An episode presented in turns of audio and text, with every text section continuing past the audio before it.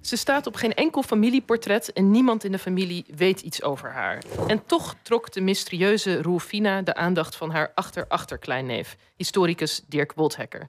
Want Roelfina bleek als arm Gronings weesmeisje uit Groningen rond 1900 de hele wereld over te hebben gereisd. Maar wie was zij en waarom migreerde ze niet één, maar zelfs drie keer naar een totaal vreemd land in haar bestaan?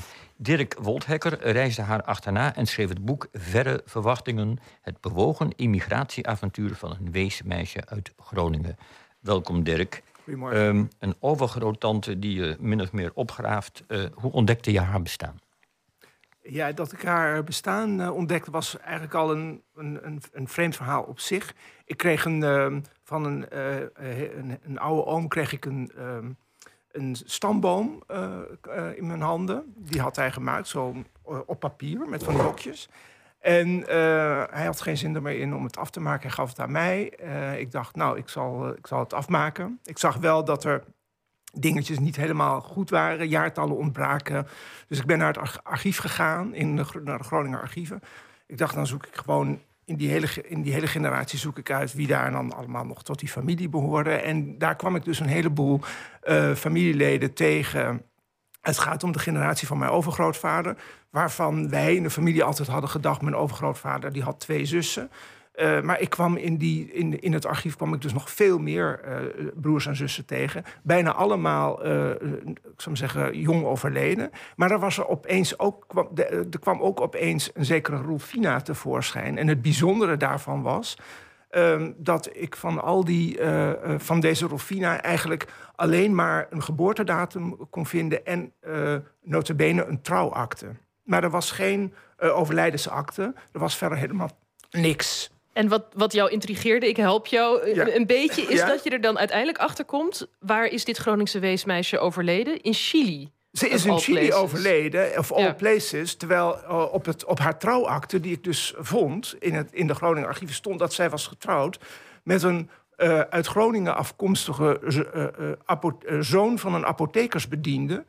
Uh, uh, maar die, die woonachtig was in Transvaal, in Pretoria. In Zuid-Afrika. Zuid-Afrika. Ja. Precies, dus, dus je had al twee heel, hele rare Dus ik had twee gegevens. hele rare gegevens. Ik ja. ging er ook mee naar mijn familie. Het verhaal over, uh, over Pretoria, daar had nog niemand überhaupt ooit van gehoord. En het verhaal over Chili eigenlijk ook niet. Maar dat, toen ging er wel, er was wel toen een verhaal van... was er ooit dus niet iemand naar Zuid-Amerika gegaan. Maar mm. verder kwam eigenlijk ook helemaal niemand.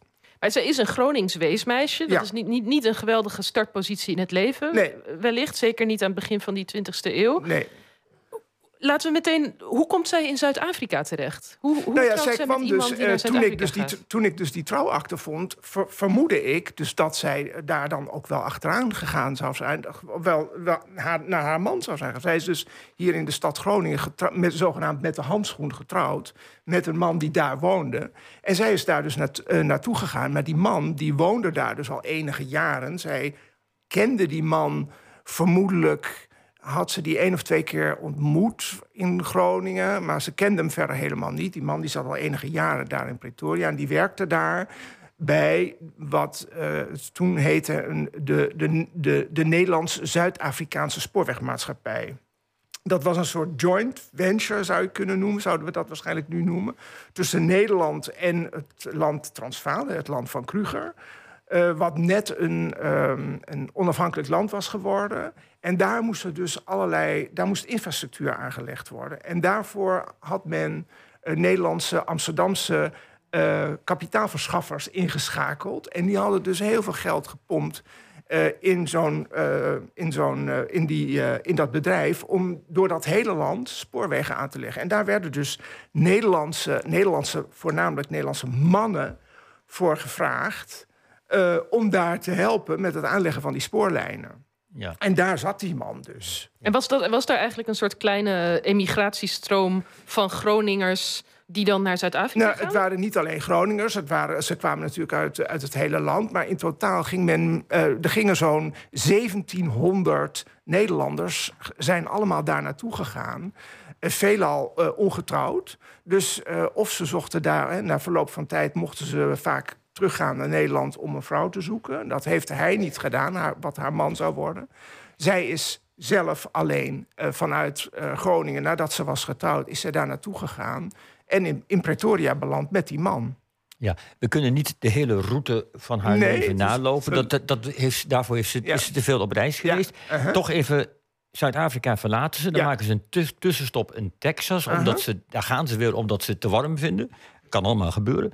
Um, en dan komen ze uiteindelijk in Chili terecht. Ja. Hoezo Chili? Was dat een immigratieland in die tijd? Chili was een emigratie, uh, uh, wilde een emigratieland zijn. En uh, de Chileense overheid die voerde, die voerde eigenlijk een, heel een hele uitgekiende bevolkingspolitiek. En dat, dat had eigenlijk maar één doel. Zeggen, het, het, het jagen of verjagen van de Mapuche-Indianen uit het zuiden van Chili dat land stond, dat, dat hele deel van Chili stond in de ogen van de, van de Chileense overheid, stond dat, dat land leeg. Nou, dat stond natuurlijk niet leeg. Daar, daar, daar, daar woonden al deze Indianen. Maar deze, uh, de, deze Chileense regering die uh, maakte dus uh, heel veel publiciteit in Europa. Die wilde dus dat, dat, dat deel, juist dat deel van Chili Ten eerste wilde men dus daar die Mapuche-Indianen kwijt, die moesten verdreven worden. En ten tweede wilde men dat deel van het land ook, zullen we zeggen, uh, opstuwen in, in, in de vaart der dus- volken. Dus- en mee, mee laten doen in de wereldeconomie. Dus de overgroottante en haar man waren welkom. Er stond al een blokhut klaar. En, nou, er stond helemaal niks oh, klaar. nee, nee. In, die zin, in die zin kwamen ze terecht in, in wat je uh, even net zo goed bijna een werkkamp zou kunnen noemen. Want kijk, zij kwamen daar gewoon terecht. Er werd heel veel reclame en publiciteit aan gegeven. Zij gingen daar naartoe. Maar toen ze daar een keer aankwamen, uh, bleek wat ik in mijn boek een, uh, noem een vergis-emigratie te zijn, waar bijna iedereen zich had vergist. Want het bijzondere hiervan was, is dat de, Chileen, de Chileense overheid, die vroeg uh, voor dat gebied boeren. Maar goed, boeren, dat kunnen Zuid-Afrikaanse. En daarvoor werden vooral al die boeren gerecruiteerd die uit Zuid-Afrika, uit Transvaal waren gevlucht. Na aanleiding van de, de boerenoorlog. Al die boeren gingen weg, die hadden geen vaderland meer, zo gezegd. Ja. En de Chileense overheid eh, dacht van, uh, die kunnen wij goed gebruiken. Nu, nu noem je het woord vergis-immigratie. die, mhm. gaan we, die gaan we onthouden. Hè? Die ja. houden we in het vocabulaire van de Nederlandse taal. Heel graag. Akkoord? Ja, dat kan. Um, en je boek heet Verre Verwachtingen. Dan, ja. dan zou je denken, hoe zit het nou met die verre verwachtingen van Rolfina? Wat waren ze en zijn ze een beetje uitgekomen? Nou, ze, uh, uh, haar verwachtingen waren natuurlijk elke keer om um, uh, een, een, een, een goed en bestendig en vooral ook welvarend gezinsleven op te bouwen. maar ja, daar kwam dus eigenlijk elke keer niks van terecht. Haar eerste emigratie ging naar Transvaal, maar ze kwam terecht in de Boerenoorlog en kwam hoogzwanger als oorlogsvluchteling terug in Nederland. Haar tweede emigratie naar Texas mislukte ook, want het, ze kon het er niet uithouden. En haar derde emigratie, daar bleek ja, dat haar verwachting weer niet uitkwam. Want van hen werd verwacht dat ze, dat ze, dat ze, een, boeren, dat ze ik zeggen, een boerenbestaan op zou bouwen. Terwijl haar, die, al die Nederlanders die daar terechtkwamen, dat waren, die, die waren meegezeild met alle boeren die uit Transvaal waren gekomen. Die hadden, die hadden eerst hier even moeten gaan oefenen. Die hadden, die hadden moeten gaan oefenen in het boerenbestaan. Maar dat, is helemaal niet, dat hebben ze helemaal niet, want daar gingen gewoon fabrieksarbeiders naartoe.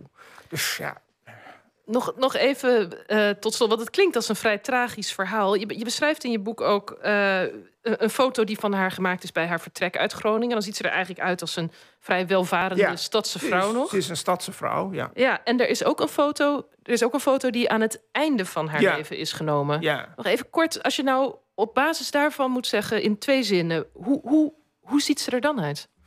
Uh, als een vrouw die ehm, een heel zwaar leven heeft gehad, uh, door de natuur een helemaal verweerd gezicht heeft, uh, uh, een beetje ziekelijk is, maar niet per se ongelukkig. Dat vond ik eigenlijk wel, wat, dat zag ik er wel af aan die man. Maar wel iemand die een heel zwaar en moeilijk leven heeft gehad. Een herkenbare migrant, ook voor migranten. In zekere zin wel, ja. Goed, Dirk Wolthekker, dank je wel. Je boek heet Verre Verwachtingen. En dit was het einde van uh, OVT voor deze week. Volgende week live vanuit de Openbare Bibliotheek van Amsterdam. Daarmee, geachte